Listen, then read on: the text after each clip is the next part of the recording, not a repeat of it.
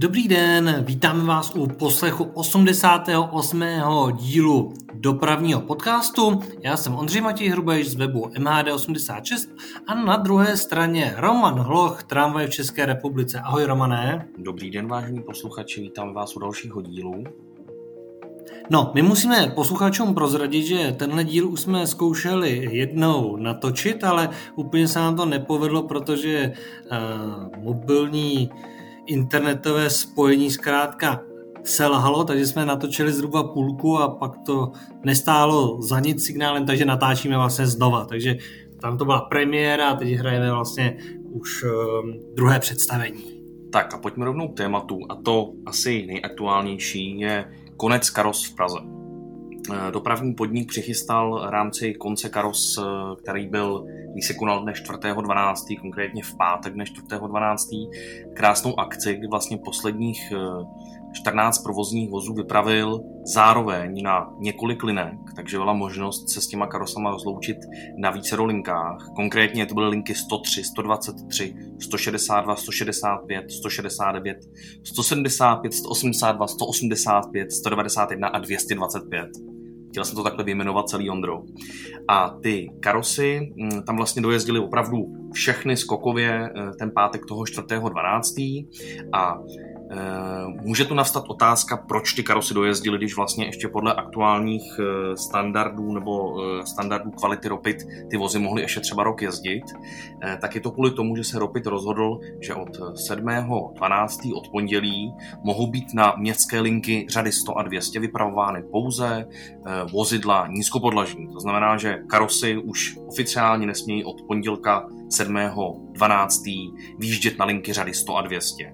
Eh, na ty řady 300 ještě výjíždět můžou, což eh, se vlastně ještě u některých, někteří dopravci budou dále využívat eh, možnosti provozovat karosy na linkách řady 300, takže ještě na těch 300 se s nima svezeme.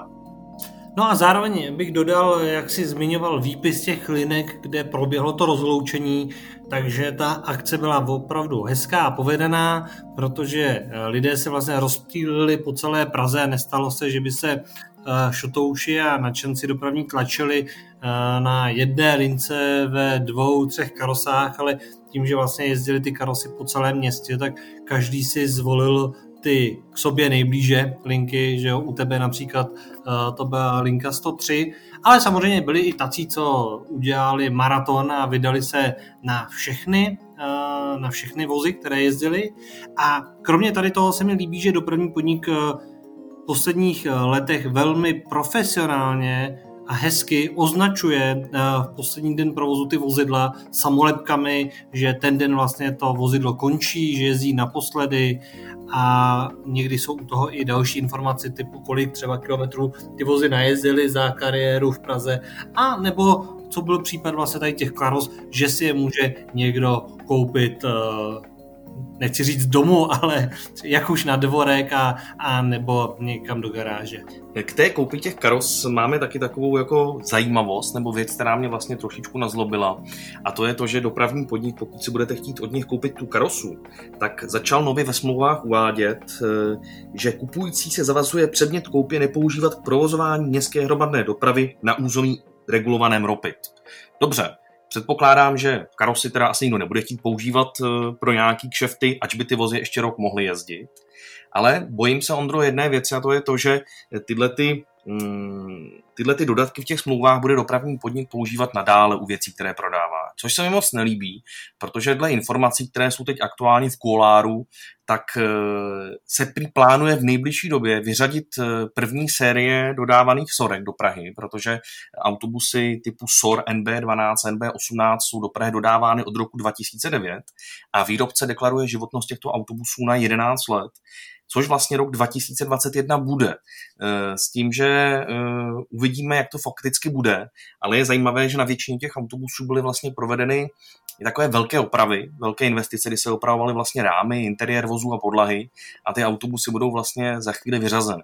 Což vlastně spěje k tomu, že dopravní podnik, pokud bude dál dodávat do těch smluv, že nesmíte s tím autobusem vlastně jezdit v Ropidu nebo na linkách Ropidu, tak eh, nelíbí se mi to i z pohledu třeba ekologie, protože spousta dopravců může šáhnout i v rámci třeba toho, aby měli záložní vozy do nějakých vyřazovaných vozidel dopravního podniku. A uh, doufám, že se, to, se tohleto v těch smlouvách na prodej těch autobusů objevilo jenom u těch karos že se to nebude objevovat dál, protože dopravní podnik tím vlastně znemožňuje jako další provoz těch autobusů na území té Prahy a středních Čech a uvidíme, jak to dopadne. To je taková věc, Ondro, co k těm karosám a k tomu... Na druhou stranu, Romane, pokud by dopravní podnik zase vyřazoval autobusy, na kterých provede uh, v nedávné době velké opravy, tak je to velmi neekonomická a nehospodárné. To znamená, opakovalo by se vlastně něco, co už se tady někdy dělo, a myslím si, že to je ale taky špatně, pokud vlastně dopravní podnik ty autobusy nějakým způsobem eh, opravuje, dává do nich eh, peníze i jakoby eh, v posledních letech tedy toho provozu, tak potom, aby je prodával nějakému soukromníkovi, který vlastně na nich bude dělat biznis, ale vlastně za trochu i za peníze dopravního podniku, který do nich nasype, nasype poměrně drahý opravy, tak to taky není úplně jakoby systematicky, systematicky správně. Já teď nevím, jestli tenkrát jsme to řešili u těch eh, karos B961, nebo který to tenkrát byly. Přesně tak, karosy B961 vlastně procházely velkýma opravama, kdy se e, musel měnit vlastně rám toho vleku, to znamená té druhé části toho autobusu, protože se jedná o kloubový autobus. A jelikož ty rámy tam jsou opravdu nadměrně zatížené, e, protože vlastně ty rámy vycházejí z původní konstrukce vozů B941, kdy vlastně ty motory nebyly tak těžké, jako jsou těch, u těch posledních karos, kdy už se tam montovali, moto, montovali motory Iveco, tak ty rámy nadměrně trpí protože ten motor je vlastně umístěn až na samotném konci toho rámu a ten, ty rámy takzvaně praskají, takže říká sledově, ta karosa je zlomená. Takže vlastně dopravní podnik přistoupil u drtivé většiny vozů k tomu, že vlastně vyměnil kompletní rám toho vleku, což znamená, že ten autobus je víceméně od toho, od harmoniky do záru novostavba. Je to opravdu velká oprava. A ty rámy se měnily u těch autobusů vlastně třeba dva roky před odstavením, což je taková jako investice, která mm, byla tehda vlastně obhajována tím, že se nevědělo, že budou nějaké standardy kvality a že ty autobusy ještě budou nějakou dobu jezdit. A teď už se o těch standardech teda ví a stejně se do těch autobusů cpou, bych řekl, před tím vyřazením docela velké peníze. A mně se pak teda, Ondro, nelíbí, že když to do toho ty peníze nadspou, tak se to pak bude šrotovat a není možnost, aby to někdo koupil a dělal no, třeba náhradní dopravu ale zároveň prvotní chyba je, že pokud se do toho ty peníze dává dopravní podnik, tak by ty vozy neměl vyřazovat, protože pokud vlastně splňují maximální stáří, které je 16 eh, let, eh, do budoucna to bude 15 let, tak ty sorky ještě můžou jezdit a vlastně není důvod je vyřazovat. A teď je otázka teda, jaký důvod je ty autobusy vyřazovat a zároveň teda říkat, že to nemá si kupovat žádný soukromník, který by jezdil v Praze a, a okolí, takže jak to vlastně dá bude, protože samozřejmě takovým tajn, eh, veřejným tajemstvím je, že i v dopravním podniku jsou typaři, kteří vlastně pro různé soukromníky eh, zjišťují informace o tom, kdy jaký autobus prošel opravou, kolik do něj kdy bylo investováno a jak moc je výhodný si který konkrétní autobus pak koupit v té obálkové metodě. Takže ono je to celkově takový jako Celkově je to takový divný a nepěkný z více stran. Ale tak Ondro, zase na druhou stranu v rámci toho, když si chci koupit nějaký autobus, tak je dobrý zjistit si, v jakém je stavu, protože koupit si jako vrak není, není dobrý.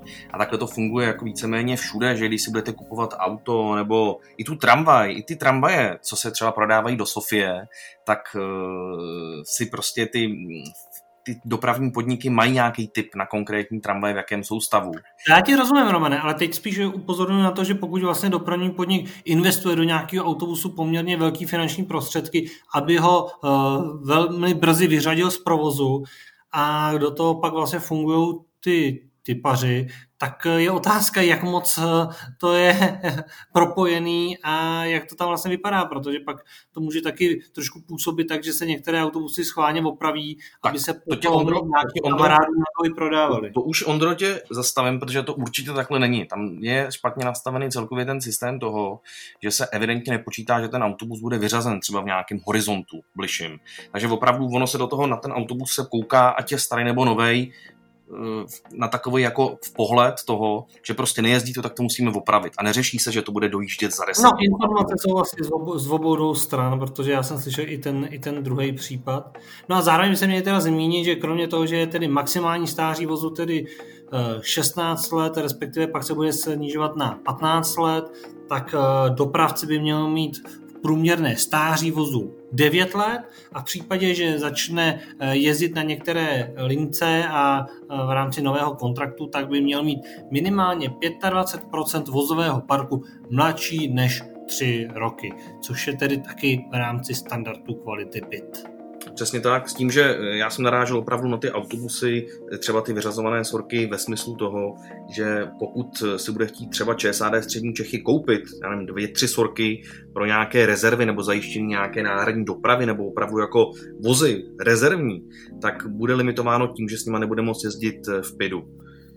Na druhou stranu tohle dopravce, který nemá problém si kupovat nové autobusy a, a nemám pocit, že zrovna oni bych si chtěli kupovat vyřazený vozy, teda, nebo jestli máš nějaké informace takhle ze středních Čech? No, mě, mě, spíš, mě spíš opravdu jde o, o záležitost toho, že um, se mi nelíbí celkově stav toho, že dopravní podnik udává do smluv, že ten autobus nesmí být provozován jinde. Je to vlastně to podobné, na to si stěžovalo spoustu lidí u českých dráh, kdy vyřazované lokomotivy, vagóny či motorové vozy českých dráh mají smluvně uvedeno, že nesmí jezdit na území České republiky, což je jako...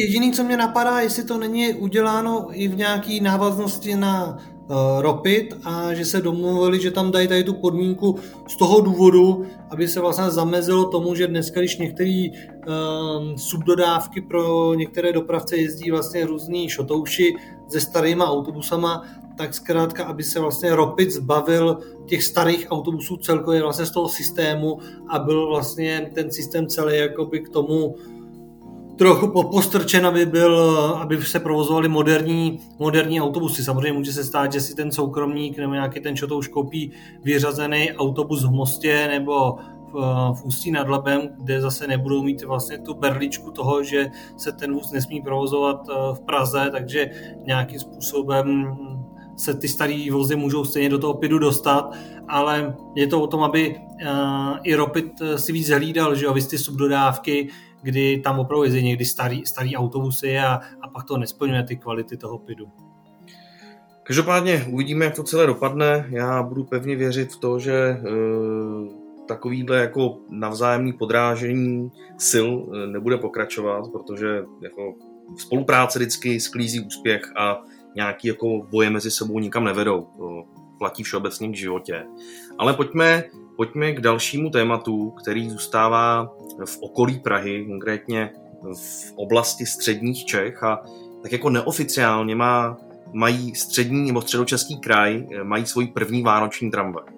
Eh, není to tak jako po tom, že by ve středních Čechách byl nějaký tramvajový provoz, ale eh, jeden soukromý majitel, který si odkoupil z dopravního podniku Mostu a Litvínova vůz T3 SU evidentního čísla 233, On ten vůz plánuje zachovat opravdu jako historický, eh, plánuje se o něj starat, protože ten vůz je dá se říci v takřka původním stavu od výrobce, což je dneska taky vzácnost koupit tramvaj, která neprošla nějakou větší opravou, tak tenhle ten vůz evidentního čísla 233 najdeme ve středočeském kraji, já nebudu uvádět místo, to ať si každý pak zjistí případně sám. No ale majitel tady toho vozu uh, ho se rozhodl ho vánočně nazdobit, takže jedná se vlastně o jednu z prvních tramvají soukromých rukou, která je plnohodnotně, plnohodnotně vyzdobená jako do vánočního motivu. Mně se to moc líbí a výhoda je, že když ta tramvaj ani ne, nejezdí vlastně po kolejích, nejezdí pod drátama, tak byl vyzdobený i pantograf světílkama, takže to tomu přidává takový další rozměr, že i pantograf svítí, což, což je moc hezký. Ta tramvaj vypadá opravdu úžasně a e, jak už jsme se bavili v tenkrát v premiéře tohohle dopravního podcastu, tak se mě ptal, jak s tím naložím v rámci uh, ankety o nejhezčí vánoční tramvaj, která už běží na webu MHD86. No, je to prostě taková krásná tramvaj jako navíc, že jo, no. Anketa je o vozech, které jsou provozovány ve městech, ale pravděpodobně třeba do budoucna vznikne anketa i ohledně vyřazených tramvají, protože těch tramvají je vlastně v České republice víc a víc. I ve středočeském kraji se dá najít těch eh, vyřazených tramvají poměrně dost, takže je možné, že majitelé těchto tramvají se budou předhánět ve vánočních výzdobách a tím pádem to bude skoro na samostatnou kategorii. Přesně tak, takže eh, vybízí, nebo jak bych to řekl, eh, pojďme podpořit všechny majitele tramvají jako v soukromých rukou, na další roky vyzdobit a uděláme anketu číslo dvě, takzvaně hodnocení vánočních tramvají u soukromníků. Už se na to těším. Myslím, že to má šance jako i na realizaci, protože většina těch fanoušků se opravdu o ty vozy, které mají na zahradách, ve stodolách, v garážích, tak se o ně starají a uh, myslím si, že si s tím rádi vyhrajou. Pojďme k dalšímu tématu. Já jsem, Ondro, vlastně v posledních minulých dnech eh, zjistil úplnou náhodou, že v Maďarsku je před dokončením takový jako obrovský projekt vlakotramvaje. Eh, my vlastně vlakotramvaje můžeme velice dobře znát, zejména z Německa, kde ty Ondro na to Německo jsi specialista a pak i posluchačům vlastně řekneš, na základě čeho třeba ten systém byl inspirovaný. Ale teď se pojďme přesunout do Maďarska, konkrétně do Segedu.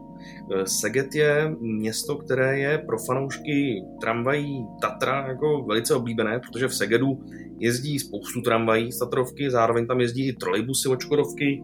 Je to prostě takové město, které díky vlastně tehdejšímu eh, sovětskému svazu a tehdejšímu jako východnímu bloku eh, má tu techniku hodně spojenou s Československem bývalým.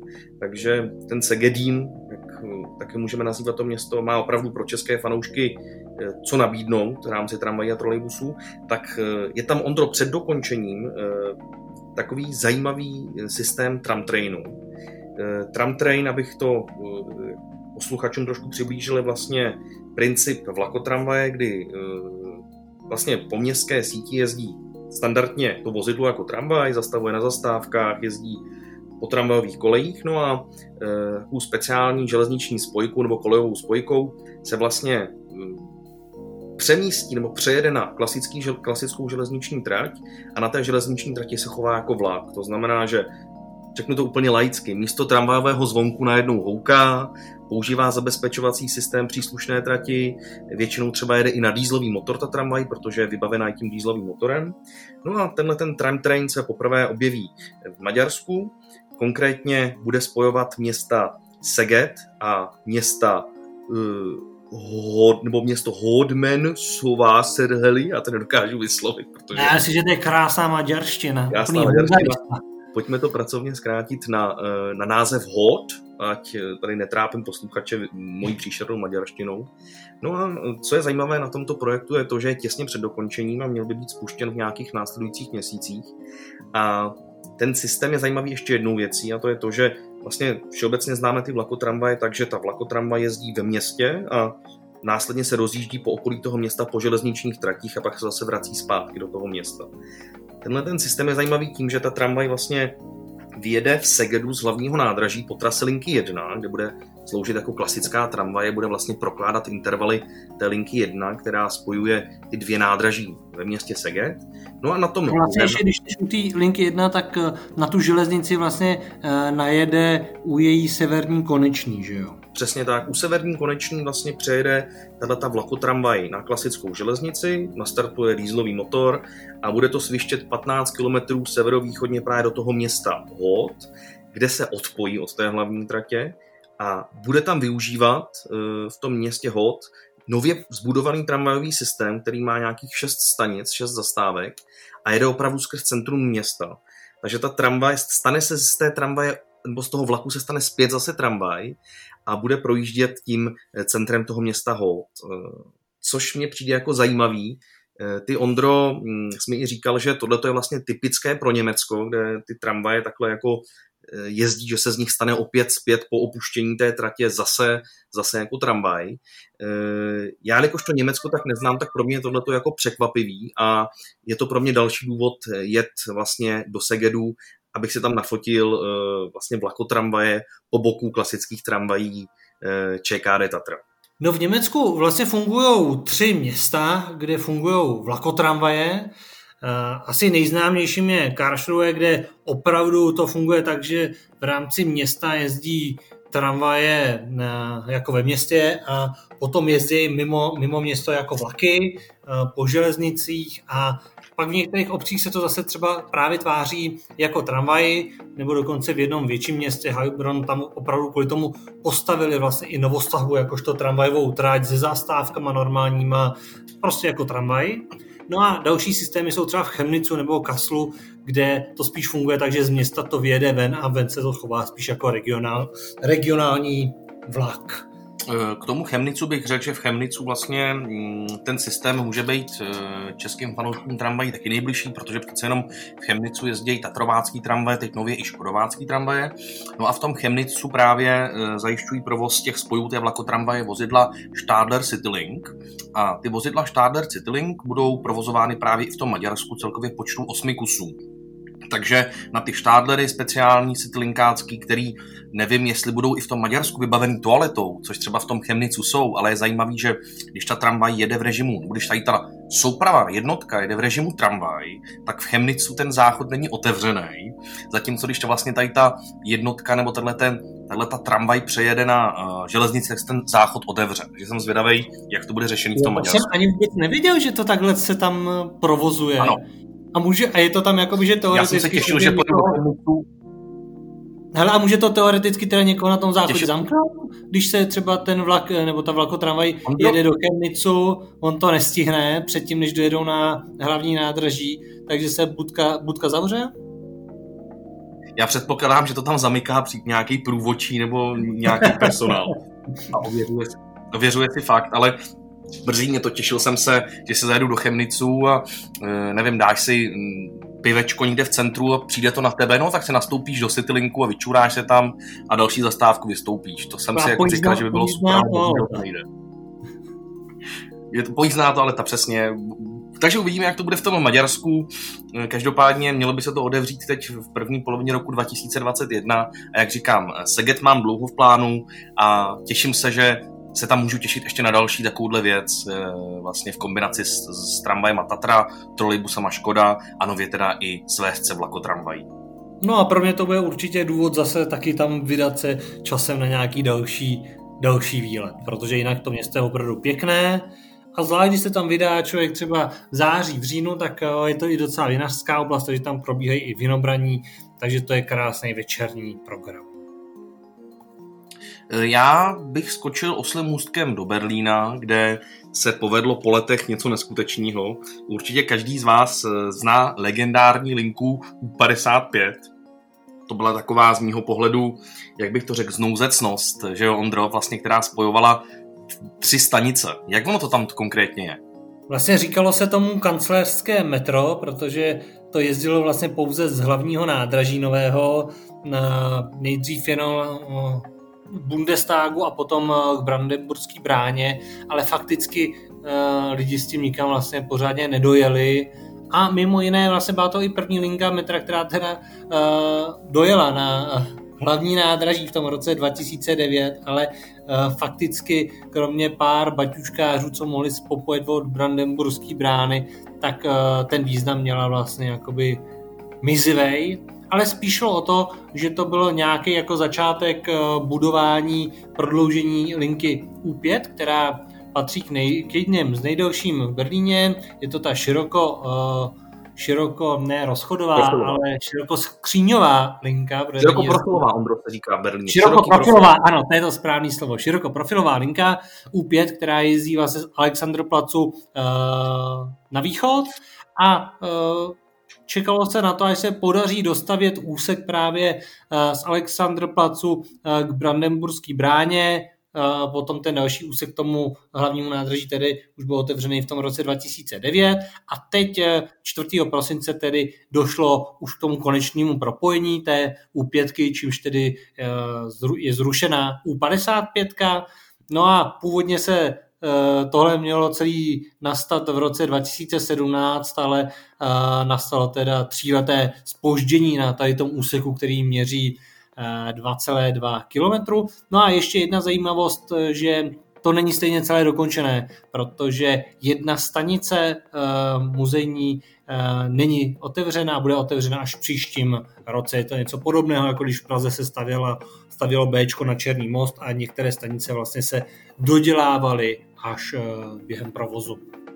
Já bych chtěl Ondro ještě dodat k tomu úzkému a širokému profilu, to je taková opravdu specifická zajímavost berlínského metra, protože uh, úzký, široký profil. Nemá to nic společného s rozchodem kolejí, je to opravdu jenom o tom, jak jsou široké tunely a v návaznosti na to i vlastně samotné vlaky toho metra. A v Berlíně opravdu najdeme dva ty profily. Úzkoprofil, což připomíná hodně takové anglické metro, bych řekl, kdy jsou ty e, soupravy toho metra opravdu takové uzoučké, vypadají proti těm klasickým jako takové dětské hračky nebo dětské metro. A následně vlastně další linky už byly budovány v tom standardním profilu, který bych řekl je velice podobný třeba tomu pražskému, kdy jsou to vlastně standardně široké vozy metra, používající standardní rozchod 1435 mm, on vlastně ten standardní rozpočet... No skoro bych si nebyl jistý, jestli to široký není širší než to v Praze dokonce, ale nevím. Ondro, asi, asi možná jo, ale je to takový jako podobnější standardnímu metru a ten úzký profil vlastně působí tak jako úplně stísněně a ten široký profil je zase takový jako velikánský. E, co je super, že se dělo, tak e, stalo se dokonce jeden čas v Berlíně, Já bych že... ještě, než budeš pokračovat dál, tak bych jenom e, řekl těm, co vlastně do Berlína pojedou, tak to rozlišení vlastně toho profilu je jednoduché. Linky U1 až U4 jsou ty úzkoprofilové a U5 až U9 jsou ty širokoprofilové.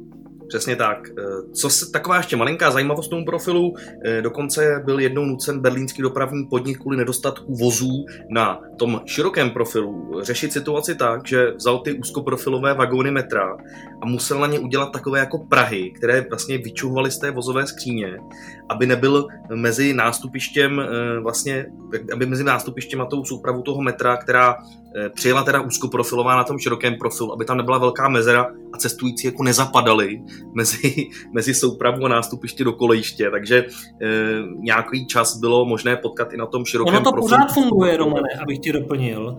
A pořád takhle vlastně jezdí ty, ty jedny z nejnovějších souprav, myslím od Stadlera, tak takhle jezdí právě na té lince U5. No tak úžasný, tak to jsou pro mě super zprávy. Já jsem měl za to, že už to vymizelo, ale jestli to tam teda furt je, tak to je taková jako taková technická zajímavost toho, jak se s tím vlastně vypořádali. Samozřejmě naopak to nejde, aby širokoprofilové vozy jezdily na tom úzkoprofilovém, eh, na té úzkoprofilové lince, protože tam už by přišly ty skříně do kontaktu s tunelem a s nástupištěm. To je nemyslitelné. No a aby jsme ještě zůstali u nových tratí v Německu, tak uh, například v tom Karlsruhe, o kterém jsme už mluvili předtím, tak tam byla uh, na konci listopadu prodloužena tramvajová síť o 1,5 kilometru. Jedná se o prodloužení linky 2 na západním konci. No a mimo to se prodloužila tramvajová trať i v polské Bydhošti, kdy 6. prosince Eh, došlo k propojení vlastně dvou koncových tratí, eh, takže ten úsek má asi jenom 0,7 km, ale díky tady tomu propojení eh, vzniklo daleko rychlejší spojení z jižní části města do centra, protože doteď vlastně se muselo z jedné té větve to objíždět do centra poměrně složitě a teď ta propojka Rondo Kuvajské Borový rynek, která tam je, tak umožní vlastně daleko rychlejší cestování tramvají, změnily se linky 2.9 a vznikla nová linka 11. No a ještě bych se vrátil jednou do, eh, do Německa, kde nakupují nové tramvaje, konkrétně Norimberg eh, objednává Avenia další od Siemense. Jedná se o čtyřčlánkové tramvaje o délce 37 metrů, což znamená, jsou delší tramvaje, než jsou eh, pražské Škoda 15. A tyto tramvaje nabídnou osmery dvoukřídlé dveře, což si myslím, že je hrozně fajn, protože na těch zastávkách pak probíhá ta výměna cestujících daleko rychleji a je vidět, že i v tom Německu, kdy v těch 90. letech se kupovaly sice už nízkopolažní tramvaje, ale buď byly poměrně krátké a e, nebo měly i docela málo dveří, takže zjistili, že je dobré nakupovat delší tramvaje a zároveň, aby těch dveří tam vlastně bylo, bylo co nejvíce. Jinak e, samozřejmě musí bude klimatizace pro cestující a 100% nízkopodlažnost. No a první Avenia... Ondro, to jsem netušil, že Siemens spolupracuje se Sorkou v rámci rozvržení dveří. To, to mám radost. No vidíš, to máš pravdu, že to asi je nějaká kooperace. A první vůz má být do Norimberku dodaný v létě 2022 a po jeho odzkoušení budou uh, následovat uh, další tramvaje, které budou dodány do konce roku 2023. A ty nové tramvaje vlastně mají zajistit jak eh, větší kapacitu pro cestující a zároveň mají vlastně být i pořízeny s ohledem na to, že se v Norimberku postupně trošku rozšiřuje ta tramvajová síť, takže aby bylo možné, možné obsloužit i nové tratě, které vzniknou. No a kromě toho se počítá s tím, že eh, dopravní podnik může až 75 eh, dalších vozů pořídit v rámci obce a tenhle krok se udělal z toho důvodu, že právě bude potřeba eh, kolem roku 2035 eh, nahradit vozový park, eh, to znamená vyřadit tramvaj nízkopoložní 90. let a dopravní podnik ví moc dobře, že ideální je provozovat jeden, jeden typ vozů, a je pak vlastně daleko jednodušší je udržovat a je to daleko optimalizovanější i na ty náklady, takže možná do budoucna se v Norimberku budou prohánět jenom Avenia. Skvělá zpráva, pak ještě další vlastně nové tramvaje budou jezdit v Kolíně nad Rýnem a tam je asi nejzajímavější na tom to, že ty tramvaje budou mít dělku 60 metrů, takže v Kolíně nad Rýnem vlastně budou takové, Kolín nad Rýnem bude takovým konkurentem uh, Budapešti, kde Budapešť vlastně provozuje jedny z nejdelších tramvají světa. No a teď ty nejdelší tramvaje světa najdeme teda i v Kolíně nad Rýnem. Bude o 62 nízkopodlažních vozů o délce 60 metrů, Což je Což neskutečná je... dílka, jo, 60 metrů. Ano. Já když si vzpomenu, jak je uh, kdy těžký vyfotit někde trojici T3 nebo dvojici KT4, nehledě trojici KT4D, to bylo úplně téměř nemožný. Tak tohle to bude opravdu, to bude dlouhá housenka, až se bude ulicema Kulína proplétat. Takže na to se určitě těšíme. Eh, co tady Ondro mám ještě za zajímavý Ještě bychom tam jenom dodali, že vlastně, Romane, protože v Kolíně jezdí jak vlastně nízkopodlažní tramvaje, tak ty vysokopodlažní, jakoby štadbány, tak tady se vlastně ano. jedná o ty nízkopodlažní tramvaje, to znamená linky ano. červeného svazku 179 a zelený svazek 1215. To znamená, jde o ty, o ty nízkopodlažní, nikoli ty s tou vysokou hranou nástupní. Ondro, Téma ještě, který e, mě překvapilo nebo zaujalo, zase se vracíme zpátky do Prahy, konkrétně na linku 103, kde jsem se teda já osobně loučil s karosama. A mm, dostalo se do éteru, že linka 103, která je vlastně čistě městského charakteru, ale zajíždí teda i mimo území území e, Prahy, takže se dostane... Nezajíždí, nebo, že bude... Romane zůstává na území hlavního města Prahy. E, jsi si jistý, že za Ďáblicema už to není Praha? Ano, Březiněves je Praha. A vidíš to, tak já jsem měl opravdu za to, že Březiněves Praha není, to teda se omlouvám všem místňákům a sousedům, eh, takže to je linka teda opravdu čistě pražská. No a vlastně na tuhle tu linku 103, eh, kterou obsluhuje doteďka dopravní podnik hlavního města Prahy, tak bude nastupovat nový dopravce a to bude ČSAD Střední Čechy. Takže linku 103 předá dopravní podnik soukromníkovi. Eh, ty jsi mi, Ondro, říkal, že ač teda to vypadá tak, že eh, o jednu linku dopravní podnik přijde, tak tam zase proběhnou nějaký jiný čarády, ne? Že zase nějakou dostane od toho, od, od eh, těch soukromníků, je to tak? Ale o tom nevím, právě v tady tom případě nevím o tom, že by to bylo kompenzováno něčím jiným. To vím, že bylo v minulosti, ale teď si nejsem jistý, jestli ten, ty výkony, o který vlastně tady dopravní podnik přijde, tak jestli je nově dostane někde jinde. Ona teda vznikne, že jo, nějak eh, ještě nová linka 159, která bude jezdit z Letňan do Gbel přes nově zastavěný území Valcha, ale tam ten výkon bude podle mě daleko nižší, protože ta linka bude jezdit v půlhodinových intervalech.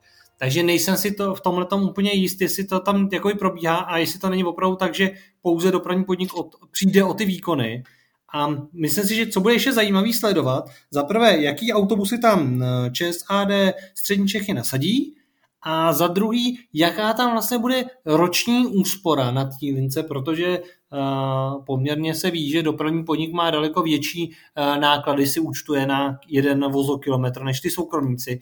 Takže bude zajímavý, kolik vlastně uh, hlavní město Praha, jakožto objednavatel, ušetří vlastně na provozu jedné takovéhle poměrně krátké linky tím, že ji předá soukromnímu dopravci. Ondro, bych ještě chtěl uh, dodat takovou informaci, že spousta lidí, které poslouchají náš dopravní podcast, tak se trošičku jako zlobili na tu informaci, že dopravní podnik fakturuje víc za kilometr, lidově řečeno. Ale dostal jsem k tomu takový jako zajímavý, zajímavý uh, podnět a to je to to, že vlastně ČSAD Střední Čechy a další jako soukromí dopravci se nemusí starat o zastávky. Oni se stará vlastně služba dopravního podniku. Uh, takže to bych řekl, že je argument pro to, proč jezdí za víc, protože oni se ještě musí starat o ty zastávky a o ty obratiště. Nevím, jestli tuhle tu věc víš, protože opravdu... Samozřejmě to tam, to tam je, zároveň něco spadá pod TSK a tak dále, no. je to tam různě rozdělený, ale uh, je to o tom, že dopravní podnik by zkrátka měl se zbavit těch činností, které nejsou jeho a měl by je dělat uh, ideálně Ropit nebo TSK by je měli zastřešovat. Ano. A jednotliví dopravci by měli pak platit uh, za údržbu, případně uh, tomu, tomu, kdo o to se bude starat. A nebo opačně dopravní podnik, když teda si tyhle ty věci má, tak by měl si fakturovat za využívání obratiště, které tedy patří dopravnímu podniku, tak by si měl účtovat od toho soukromníka, který vlastně to obratiště bude využívat nějakou částku. To znamená, eh, je to, rozumím tomu, že se tak někde děje, ale je teda stejně jakoby to pokřivený v tom, že dopravní podnik si případně tady ty věci neúčtuje zvlášť od, eh, od těch soukromníků a měl by to být úplně vlastně jako jiný biznis, jo. Měl by to být jiný biznis než vozokilometr, který je, je počítaný na jeho provoz autobusu. Určitě, to já jsem chtěl opravdu jenom dodat k tomu důvodu, aby opravdu to nevypadalo tak, že ten podnik jezdí jako dráž, ale má i na starosti věci, které vlastně ty ostatní dopravci... No ale dráž je, jo, jako drahé je a tohle je věc, která by mohla samozřejmě trochu pomoct k tomu, aby uh, dopravní podnik se trošku začal redukovat a trošku optimalizovat, protože samozřejmě uh, dopravní podnik potřebuje si vybrat prachy od města a pak teprve řeší, co a jak dál. V současné době, kdy třeba nejsou peníze na provoz, tak eh, dopravní podnik zvedá mzdy a zkrátka nemám pocit, že by dopravní podnik byl nějakou chudou organizací, která by byla tlačena k tomu, aby se chovala ekonomicky zodpovědně. Eh, co tady máme ještě jako takovou celostátní dopravní zajímavost, tak je, bych to řekl, horké téma, to jsou eh, elektronické dálniční známky. Mm, myšlenka Tady samotná... jsme se vlastně věnovali, že jo, už před časem, když probíhal ten víkend programátorský. Přesně tak, s tím, že okolo toho je spoustu takových zajímavostí, ale každopádně, eh, aby jsme to tak jako zrychleně představili, Česká republika se rozhodla, že udělá ty dálniční známky elektronický, eh, třeba na Slovensku už to funguje řadu let. Znamená to, že vy jako řidič si nemusíte kupovat už nalepovací dálniční známku, ale koupíte si vlastně elektronickou a kontrolují vás pak pomocí kamer, případně mítné brány. A je to vlastně ten systém celkově jednodušší a ekologičtější, pak se nemusí tisknout nějaké dálniční známky. Prostě funguje to, funguje to líp. Eh, Česká republika samozřejmě jak to tak bývá, tak tenhle ten systém eh, představili tak, že to bude stát spoustu milionů. Eh, na základě toho se před nějakou dobou rozhodla parta ajťáků, že ukáže, že za víkend jsou schopní udělat ten systém vlastně teoreticky zadarmo nebo za nějaké nulové náklady. Na to se tam přišli podívat eh, vládní, vládní garnitury, řekli, že super, super, že to od nich nechtějí, takže se nakonec stalo to, že se to vytvořilo levnějš, ale co je, z čehož jsem úplně jako v šoku, a to nejsem žádný ajťák, tak je to, že ty webové stránky, na kterých si tu dálniční známku můžete koupit, jedou na WordPressu. Je to asi, porovnal bych to asi, přirovnal bych to k tomu, jako kdybyste si udělali trezor z papíru. No, no hele, řekl bych to úplně jednoduše, na WordPressu jede můj webik, že jo, malý. Ano, na WordPressu. je, je, je asi WordPress nejlepší porovnání. WordPress je redakční záležitost, která má sloužit k tomu, aby prostě si mohl eh, jakýkoliv teoretický amatér postavit nějaký web a samozřejmě nese to velký rizika s tím, že to není moc dobře zabezpečeně, dokážou vám to jednoduše prolomit. A traderé, oni na tom postaví najednou uh, systém na prodej dálničních známek. Takže já jenom čekám, za jak dlouho na tom budou rozjetý třeba nějaký pornostránky, jo? protože je to opravdu hrozně děravý systém, který je samozřejmě ideální pro nějaký začátečníky a pro malé firmy. Tak ne, není úplně zase děravý, protože na něm fungují spousta soukromých firm, na něm mají normálně prezentace, že WordPress bych řekl, že je naprosto jakoby normální, normální systém, ale pro normální prezentaci věcí, nikoliv pro nákupy, nákupy dálničních známek. To bych řekl, že spíše ten problém, největší problém dálničních známek daleko víc potřebuješ jakoby pracovat s těma citlivýma, citlivýma údajema, zadávat ty věci do toho systému, že jo, kdo si co koupil a tak dále. No a kromě toho, co bylo ještě taková perlička, že vlastně oni nedokázali ten web ani správně vlastně naprogramovat, protože ve vyhledávačích tam byly vlastně takový ty vzorový texty, že jo, když si zadal, když si zadal tu adresu vyhledávat v Google, tak tam no. byly takový ty předpřipravené texty, no. Ale k tomu WordPressu je to opravdu o tom, že eh, když si necháte postavit web na míru, tak eh, když to nejde na tom, na tom redakčním systému WordPress, tak je opravdu mnohem méně, nebo je, to, je ten, ten web je jako bezpečnější pro vás, pro, jakožto pro toho člověka, co ho spravujete. Ten WordPress je opravdu když se o to člověk dobře nestará, neumí to dobře zabezpečit, hodně děravej. A já teda, Ondro, pochybuju, že když nejsou schopní upravit eh, ty ajťáci i eh, popisek toho webu, když se to vyhledá ve Google, tak si jsou schopní ten WordPress si dobře zabezpečit. Takže, takže toho já se bojím. No v tom si myslím, že samozřejmě problém bude a my si to v tom řídějí podobně jako jiné věci, tak se máme opravdu na co, na co těšit. A třeba vznikne to, že se nakonec budou narychlo zase tisknout dálniční známky. No. Dít se může cokoliv a možná se z elektronického vrátíme k papírovému, což by byl takový hezký opačný trend, než který se děje v Rusku i, protože například v ruském Orsku byl zastaven, nebo bude zastaven od ledna prodej papírových jízdenek na, na, na městskou dopravu a to z toho důvodu, že bylo zjištěno, že místní obyvatelé ty jízdenky padělají, takže od 1. ledna se bude eh, v místní městské dopravě prodávat pouze elektronické elektronické jízdné a dodejme, že Orsk eh, se nachází za, eh, za Uralem, respektive na pomezí Uralu, takže je to vlastně město na hranici Evropy a Ázie. Ondro, já ještě se jenom rychle vrátím k těm známkám. Já se bojím toho, aby nenastalo to, co je teď jako v poslední době trendem, eh, že by třeba řekla vláda, no podívejte se, ten web nefunguje, no ale to prostě je blbý, vy si tu známku nekoupíte, takže nemůžete jezdit, jo, že, že prostě, že, že vlastně oni ten web nebude funkční, ale řeknou ti, no nema, vy jste si ji nekoupil, no tak to nemůžete jezdit, tak toho já bych se třeba bál. To by bylo vtipný, no. Takový to, než, překvap... než jako, že by... je to překvapení z toho, že vytvořím web na dálniční známky a potom vlastně jsem překvapený, že lidi si na něm ty dálniční známky chtějí koupit. Ano. Vlastně oni i ten první den toho provozu ten web vlastně pozastavili, že jo, a že vlastně tam chodilo moc lidí a oni byli překvapeni, že lidi mají vlastně zájem si ty známky kupovat, takže vlastně uh, zablokovali přístup na ten web, aby si to lidi nemohli ani kupovat, takže to bylo geniální. Říká se, Ondro, že tam, kde začíná lidská hloupost, začíná Balkán a tady se ta hranice rámci tohoto webu silně posunula směrem k nám. no a myslím si, že tady tím humorným koncem můžeme ukončit náš 88. dopravní podcast. Děkujeme za poslech a budeme se těšit na slyšenou znovu a můžeme vám říci, že to bude opravdu speciální se speciálním hostem. No, já bych neřekl, že to bude přímo příští díl, mezi tím ještě můžou nějaké další díly vzniknout, ale můžeme říct, že v blízké době se můžete těšit na díl z dopravního podniku Praha. Děkujeme. On chtěl navnadit, navnadit Přesně tak a těšíme se na slyšenou u dalších dílů. Naslyšenou, přátelé.